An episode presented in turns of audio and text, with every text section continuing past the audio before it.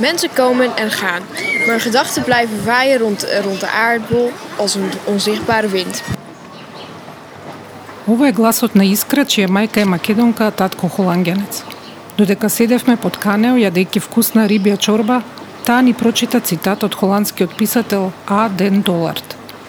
Луѓето доаѓаат и заминуваат, но нивните мисли продолжуваат да струјат околу земјината топка како невидлив ветер.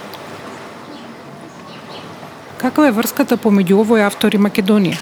Како едно дело, напишано во далечната 1939 станало основа за поврзување на две земји и два народа кои инаку немаат многу заедничко. Дали и денес неговите мисли продолжуваат да го брануваат езерото како невидлив ветер?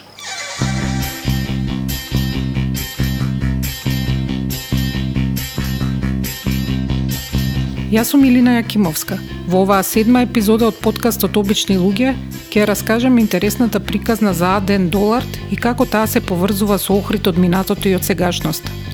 Истовремено ќе видиме колку знаеме за ова значајно културно наследство и како се однесуваме кон него.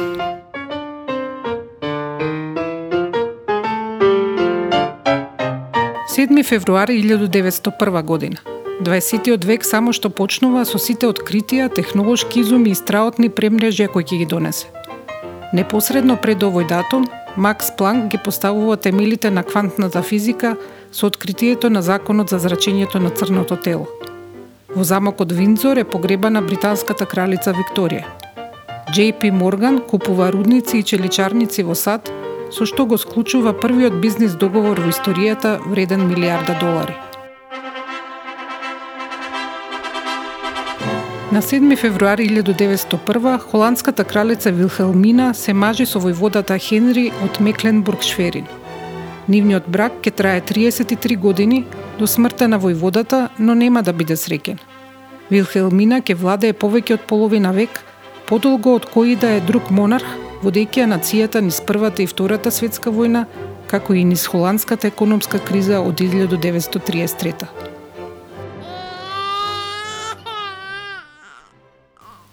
На истиот ден, кога вниманието на Холандија е насочено кон Хат и кралската свадба, во малиот град Зволе се раѓа Корнелис Јоханес Георг Спулстра, син на свештеник. Подоцна ова име ќе го замени со многу посоодветното на неговиот карактер и судбина. Долар, значи доаѓа од глаголот долен, кој што значи скитање на, некој, опуштеност некој, значи. Значи, самиот него псевдоним го пишува неговиот карактер како човек, како, како личност пред се, а потоа и како писател, како номинар. Значи, тој е любител на слободата. Ова е гласот на Мишо Јузмески, за кого слободно може да се каже дека е експерт за ликот и делото на Долард или понаше Скитниковски. Неговата галерија, Култура 365, на калдрмата која води од Охридскиот плоштад на кај Света Софија, е препознатлива по истакнатиот плакат во боите на холандското знаме. На него пишува туристички информации, фото и книжевна галерија и музеј посветен на Долард. Во меморијалната соба се изложени фотографии и дел од изданијата на неговите книги. Меѓу нив песни, драми, патеписи, репортажи, радиоговори, раскази, автобиографија, есеи, манифести и памфлети. Некаде помеѓу нив е De Bruiloft der Zeven Zigeuners или Свадба на седум цигани.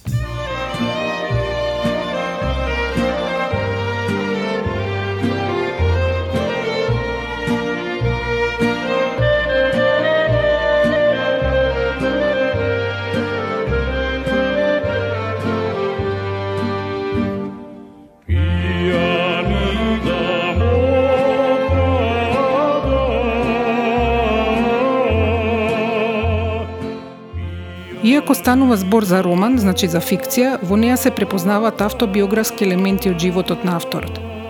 Тој книгата почнал да ја пишува во Скопје во март 33 продолжил во Охрид во 1938 а ја завршил во Холандија во 39 Во тоа време, без телевизија и интернет, Балканот е тера инкогнита за холандските и воопшто за западноевропските жители. Се работи за еден период, што е пред Втората светска војна, или по-конкретно 30-те години што тој најмногу, најдолго престојува во Охрид во Македонија меѓу помеѓу 31-та година и 39-та година, кој што е од политички аспект еден многу турбулентен период во Охрид во Македонија, нели имаме диктатура тука.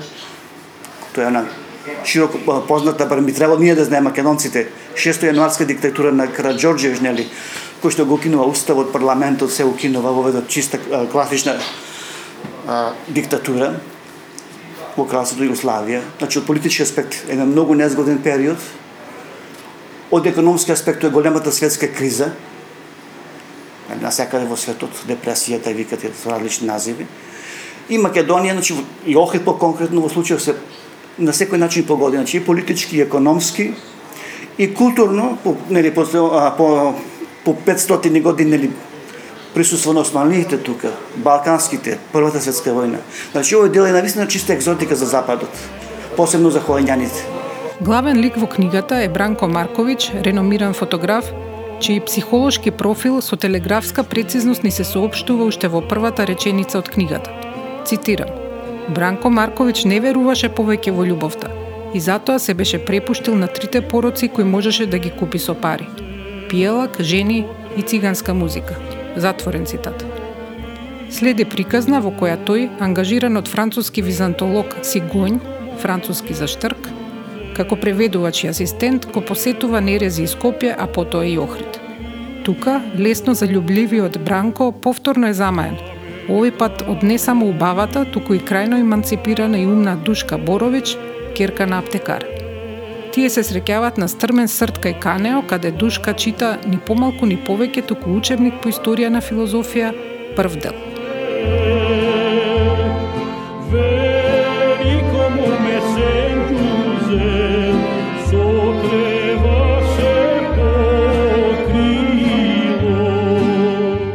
Следи развој на нивната врска која треба да биде кронисана со брак. Ден пред официјалната церемонија, Бранко во Охрид собира група музичари, седум цигани, кои изведуваат седум песни, секоја поврзана со некоја негова голема љубов. Од денешна гледна точка, тука има многу мелодрама и патос, но ова не било пречка книгата да стане бестселер во Холандија и да доживее десетина изданија и преводи. Од една страна, литературната критика го смета за несоодветен, че недоздрајан или едноставно не така квалитетен писател. Му најѓа замерки во јазикот, например, во изразувањето, во стилот, начин на пишување. Приромантичен, веројатно. Тоа е приромантично и повеќе, речиме, повеќе би јас би рекол лично има еден новинарски стил. Значи и во него дури во романите, нели, како романи кои што се една, а, речеме, категорија като човекот, тој писателот, творецот, треба да навлезе подлабоко нели во психологијата на ликовите, нели да развие своја приказна. Тој повеќе оди на на изнесување на голи факти. Значи кога ги читаме неговите романите се повеќе како еден фактографски запис за што се случило. Но токму и тоа мислам дека е интересното кај читателот, кај холандскиот читател во случајов, тоа е она интересното што тие читајќи ги неговите романи, тие читаат информации. Пред се неговите романи, значи специјално кога зборуваме за романите, од сите негови романи, само еден роман е посветен на Холандија, на холандска тема. Сите други му се за други земји, за други краишта во светот. Дека стилот на Долар те оценет како фактографски не изненадува, со оглед на тоа што по големиот дел од животот тој навистина бил новинар. Откако работел како зидар, берач на грозје, чистач и портир, почнал да пишува и тоа за социјалистички вестник, што во текот на 30-тите му овозможува да патува и да известува, особено од земји кои биле зафатени од конфликт или во кои владееле авторитарни режими. Но еден ваков нацистички режим наскоро наближува и кон Холандија. Долар се сели во Лондон, каде работи како спикер на партизанското радио Оранј или радио Портокалово, кое се слуша во окупирана Холандија. Неговиот препознатлив глас и говорнички вештини За голем број холандјани го одбележале тешкиот период на Втората светска војна, нудејќи им релевантни информации и утеха. Преку него на своите поданици им се обраќала и самата кралица Вилхелмина. Radio Oranje genoemd. En onder deze naam zal voortaan ons Nederlands kwartier van Nederlanders voor Nederlanders worden aangekondigd. Geachte luisteraars, Hare Majesteit de Koningin. Het verheugt mij bijzonder dat dankzij de welwillende medewerking. Свадба на седум цигани е 21 книга на Долар од вкупно 52 колку што се наведени на неговата Википедија страница. пишувана токму во овој драматичен период. Може би како бегство од војните и политички теми, тоа е љубовен роман кој сепак содржи голем број релевантни податоци за нашиве краишта. Дознаваме, на пример, дека Охрид е градче, цитирам, завиткано во превес од старинска гордост, кое тогаш се уште не е откриено од туристите. Дека спиењето по манастири било хигиенски ризик поради наезда од вошки. Дека 800 долари аванс за книга фотографии, колку што добил Бранко, изнесувале 36.000 динари, значи 1 долар бил од прилика 45 динари, и дека со во центарот на Охрид можела да се купи куќа. Помеѓу опишаните сцени има и такви кои изнудуваат кисела насмевка на препознавање на истоветни проблеми во сегашноста, како оние со охридските дивоградби. Цитирам, Бранко Опцу, тој го беше фотографирал Свети Наум пред две години, зашто во книгата за Јужна Србија не смееше да недостасува слика од познатиот манастир. Но сега над средовековните градби беа изградил еден бетонски колос, кој со проширениот горен дел личеше на резервоар со вода. Каква среќа што во американското издание на книгата стоеше слика од манастирот во својата првобитна состојба, а не осакатен каков што беше сега. Затворен цитат.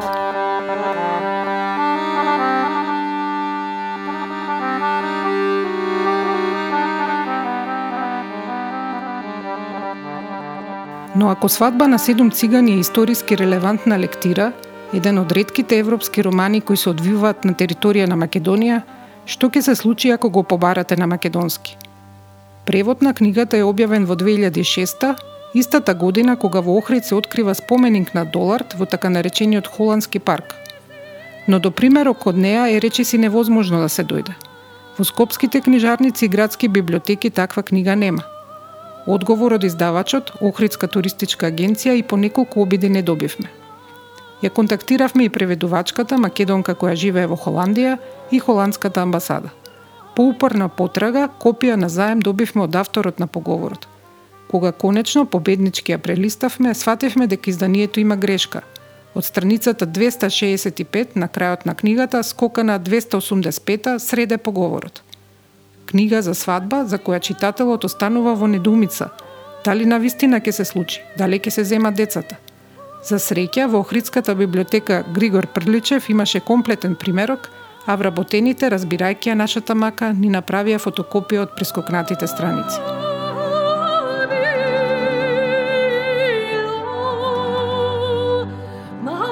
Византологот Сигонј во македонското издание Чигоне, а пак земјата Југославија на холандски Заут Славија е преведена со Јужна Славија. Но оно што сепак остава најголем впечаток, освен овие, да ги наречеме, ситни пропусти, е што насловот на македонски се разликува од оригиналот и гласи «Свадба во Охрид». Причините за ова може да се насетат и најверојатно се однесуваат на политичката некоректност на терминот циган, кој од денешен аспект може да се толкува како навредлив. Па сепак, тој е избришен само од насловот, а е оставен на секаде низ книгата. Нејасно е зошто не бил заменет барем со роми Иако улогата на овие ликови во книгата не се базира на тоа што се припадници на одредена етничка група, туку просто на тоа што се талентирани музичари. Седум музичари кои изведуваат седум песни од сите краишта на тогашното кралство Југославија, кои го подсетуваат Бранко на седум жени на кои им сгрешил.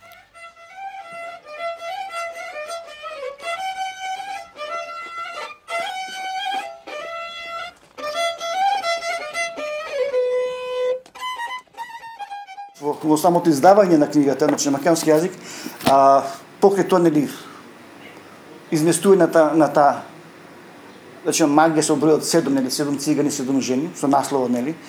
А, направен што упад во, во структурата на книгата, во делото со тоа што песните, значи тоа е интересно за овој роман. Во романот се поместени неколку песни, народни песни, кои што се дел од приказната. Значи, пак речем, во преведувањето имаме одредени слободи да преведуваме нешто, да заменуваме, да манипулираме, но сепак има некаде каде што едноставно ние сме ограничени. Тоест, не смееме да го нарушиме делото, концептот, суштината на приказната. Овде нарушена, приказната е нарушена со тоа што песните се извадени на крајот. Да, нотни записи. Нотни записи, не се нотни записи, се дел од приказната треба внатре да бидат. Тие се внатре во оригиналите на читар го. Ова е со негов ракопис исправено. Од него се правени нотни записи. Тие се вметнати да, уште во првото издание. Ево, него значи. Таму си се дел од Да, да, да, да. Ще дел приказната. Значи, во раците држам издание од 39 година.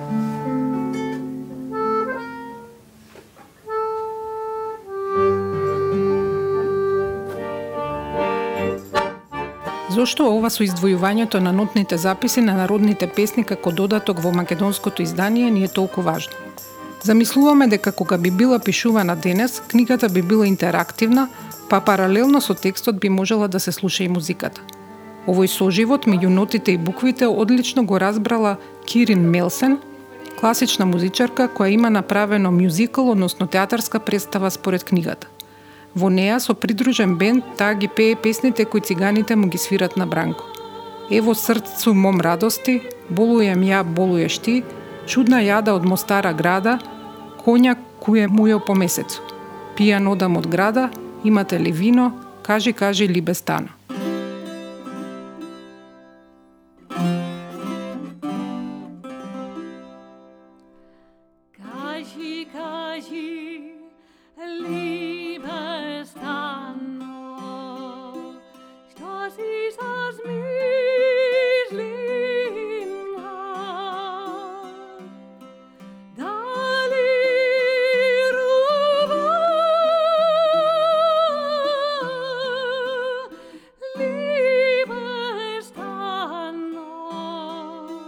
Ја прашавме како воопшто дошла до оваа идеја. I learned to know about uh, the book uh, about this wedding. Дознав за книгата затоа што бев поканата на ромски фестивал на кој требаше да ги пеам песните кои се во неа. Работев со музичар на армоника од Србија, ги побаравме сите песни од книгата и нивните текстови. За ова ни требаше доста време. Тие ме замолија да ги изведам песните, но си реков може би е исто така убаво да ја раскажам и приказната. Така направив театарска представа од книгата. Ја изведов во Холандија и во Белград во 2012. На што се фокусирала представата? I uh, tell the seven stories about the seven women, and then Ги раскажав седумте приказни за седумте жени, а помеѓу тоа ги пеев песните. Секоја приказна е навистина тесно поврзана со песните. Ова е прекрасно направено.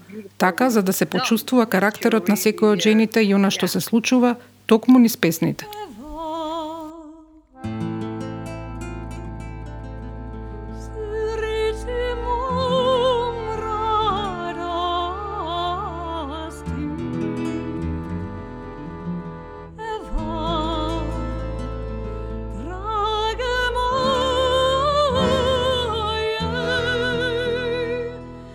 I really uh, felt the music. I really loved the music. Навистина ја почувствував музиката, ја засакав, особено кога ја пеев Мој Дилбере. Таа за мене е прекрасна, додека ја пеев како да паѓа во некој вид транс. Trance, you know.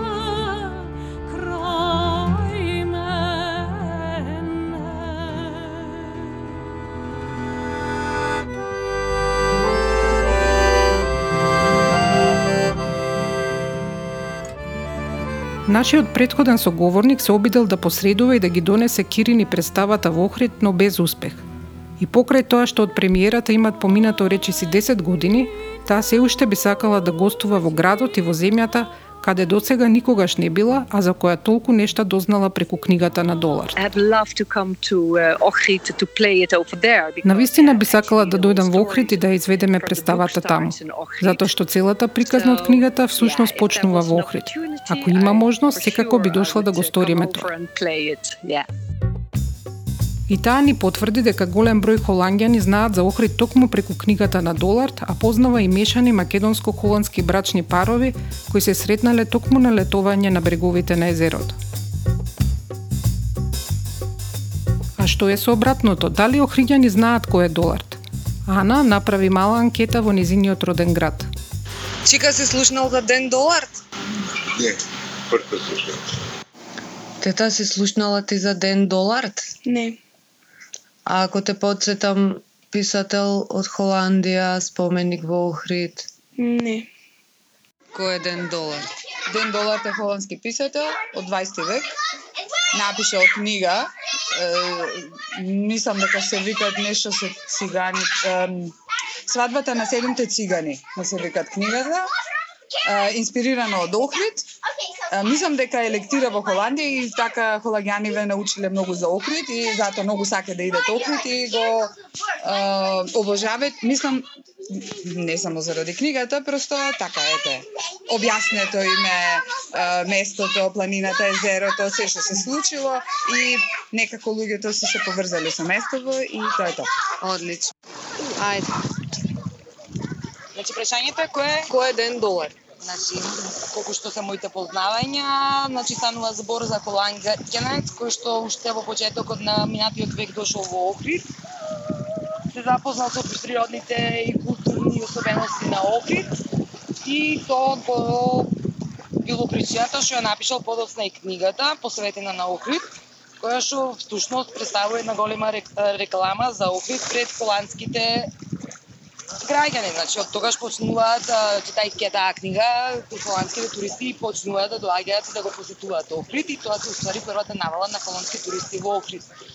А исто во негова чест во Охрид е подигнат споменик во холандскиот така наречен холандски парк, кој што е веќе обстојува и е поставен неколку години. Мислам дека се и напишана една книга за него, посветени се и доста емисии, текстови во критските медиуми, македонските медиуми. Тоа е тоа. Помеѓу оние кои никогаш не слушнале за Долард и оние кои имаат подетални познавања за него, има една голема група која го поврзува неговото име единствено со спомнатиот споменик. Ако тргнете од Охридскиот плоштад по Кеот во правец на Билјанин извори, лесно ќе го забележите поради неговиот впечатлив облик. Едро во чија основа како кормило е сместена отворена книга. На левата страна на таа книга е портретот на Долард. Од десната годината на неговото раѓање и смртта 1901 и 1994. Под овие датуми стојат имињата на оние кои придонеле за поставување на паметникот на писателот. Дизајнот е на архитектот Владимир Тојич, а како иницијатори се наведени три имиња. Меѓу нив едно кое нам не ни асоцира на споменици, туку на една многу шармантна песна. Нема гајле, јас сам Питер Џон Босе, има поздрав из Холандија, земја на тулепани. Ајде, ајде, нема гајле. Питер Џон Босе живеел во Македонија 30 на години, а од неодамна е собственик на селски имот во Бугарија, близу тромеѓето со Грција и Турција. Кога го побаравме беше во родната Холандија. Се уште добро зборува македонски, па неговиот говор не го синхронизиравме. Hello. Здраво, Петер, како си? Ево, добро. Првиот контакт со Македонија Питер го имал на крајот на 80-тите, кога ситуацијата во регионот веќе била нестабилна. Тогаш живеел во Белград и работел како музички продуцент и туристички водеч. Така дошол во Охрид. Ја тогаш работев во студио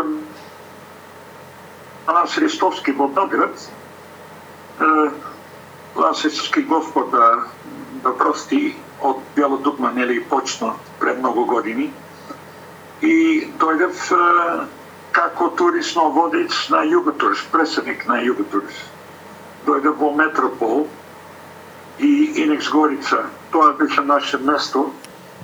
И имав таа книга, сватба на сватба во Охрид, да така кажеме на македонски превод сега. И мојата идеја како да дојдеме пак да дадевме на Македонија помош да дојде пак туристи, знаеш. Во Холандија, народ во Холандија, они не се знаат дали беше некој војната во, во наша Македонија, он мисли уште има нели проблем е, со тенкови, со снайпери и така дале, знаеш. Сакам тога се покаже во Македонија единствени е, бивша република од, од бивша Југославија, кој отиде на 91 година со мир надвор од, од Федерација на Југославија. И Македонија немаше војна, хуба, убава народ, убава музика, убава времена, убава култура, нели? И како да, да, да направим про, провокација, со Холандија да дојде пак холандски е, гости, туроператори, Така се родила идеја да се подигне споменик на Долард, тоа добро медиумски да се покрие во Холандија и на тој начин да се анимираат туристите од оваа земја. Истовремено, неговото дотогаш непознато дело да се представи на охриѓани и воопшто на македонската публика. Излегувањето на македонскиот превод така се случува истовремено со овој настан. И тоа беше, знаеш, како да направиме еден благодарам са, са Арде Долард, е, са све што направи са Македонија. Так. И ја као, како новинар на Холандска радио телевизија имав многу, многу пријатели кои се по висока е, сега е, са, са, е, са вести, са, са медија. Најдев ја спонсори, спонсори како Холандски амбасада, Unilever, знаеш Мермер Прилеп, знаеш во Прилеп исто не се теч, соборавив заборавив сите име, кој направи многу, многу големо е, плюс тогаш беше Малев, моментално не се по, постои веќе Малев, тој е се Гесер сега од Маđарска, и он ми даде, знај, со сите новинари, е, е, бесплатно карти за авионска превоз, знаеш. И Олга беше таму многу голем, голема помоќ. Олга директ, газ, газарица на, на Инекс Горица. И ми даде многу, многу помоќ. И што Скопско пивара и така дали. Многу, многу јуди Плюс, знаеш, локално а, на, на град Охрид. Ми даде сите право, сите, знаеш, И така, така беше на 2006 година во мај месец отворивме таа споменик на Долард. Сепак, работата не поминала без проблем. Не беше лесно, зашто мора да кажам исто некој критично е, за таа споменик, беше договор град Охрид да направи знаеш, реновација времена, да чистиш. Ево, дрво кое со хоризонтално, тоа беше направено на два дименсија. Тамо беше име на Арде Долард. Таа сега она направи како на најефтино некој дрво хоризонтално, без два дименсија, само со некој боја, не се пише дека знаеш Арде Долард. Е, Доле на на кажам, on the floor, on the floor, стаклени, знаеш. Та доле имаше керамик, мозаики, знаеш. Тоа Да. беше а, многу добар, многу добро направено и сега да има светло доле, ама има толку многу трава и џубре, знаеш, треба малце да подржиш, треба малце град Охрид, пак да кажем благодарам, да не направиме некој најефтино алтернатива и да направи комплетно нов нов нов ремонт на таа спомен. Знаеш. Бо се вели дека помеѓу оригиналниот проект за споменикот и финалната изведба и тогаш имало разлики, но тие со текот на времето само се зголемувале. И на вистина, кога бевме на лице место, не можевме ни да предпоставиме дека под стаклениот под, кој веројатно треба да ја символизира водата по која плови едреникот, има мозаик по асоциација на стоби, а на него две подадени раце како помеѓу двете култури. Замислата била овој простор да биде осветлуван од соларни светилки, но секако и редовно да се чисти за воопшто да се гледа. Јарболот пак на кој стоеле холандското и македонското знаме бил украден после два дена.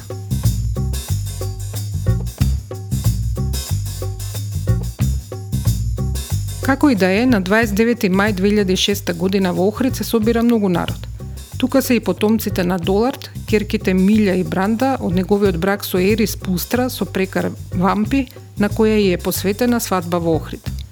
Нивните семејства, внуци и правнуци на писателот, новинари, политичари, амбасадори, фолклорен ансамбл во народни носи. Сето ова се пренесува во холандските вестници и на државната телевизија. Бесплатна реклама за Македонија, чест за доларт, А тој за Питер дури и од оној свет подготвил изненадување. Сите од фамилија дојде и ја добијам првата, првата едиција на таа книга и он ми пише лично и каже на нај, он каже на најстарата черка, вика, јас се сустав, тоа беше на 80 години, сустав Питер Джон Боси има некоја идеја да прави со мене еден споменик во Охрид. Ако умрем, молем те, ево, сега ќе пишем, ако успешно, на било која времена, ќе дадеш на Питер таа книга. Таа книга имам. За оригинално подпис на Ада Долар. И тука не завршуваат изненадувањата кои во наследство ни ги оставил Долард. Тој има уште една книга за Македонија, но многу поконтроверзна од љубовниот роман за Бранко и Душка. Се вика Ориент Експрес, издадена е во 1934 година и представува романизирана историја на внатрешно Македонската револуционерна организација или ВМРО. Како новинар кој не сакал да се подпира ниту на српските, ниту на бугарските пропаганди, тој во 30-тите на минатиот век доаѓа во Пиринска Македонија и во Банско минува три месеци со комитите, запознавајќи ги клучните личности на движењето. Резултатот е роман во кој ни приказна за фиктивно македонско семејство, Долард без да заземе страна, ги раскажува премрежјата низ кои минувала Македонија од Елинденското востание до таа 1934 година. За жал, англиското издание на книгата е исцрпено, па останува само да предпоставуваме како се тоа на вистина звучи.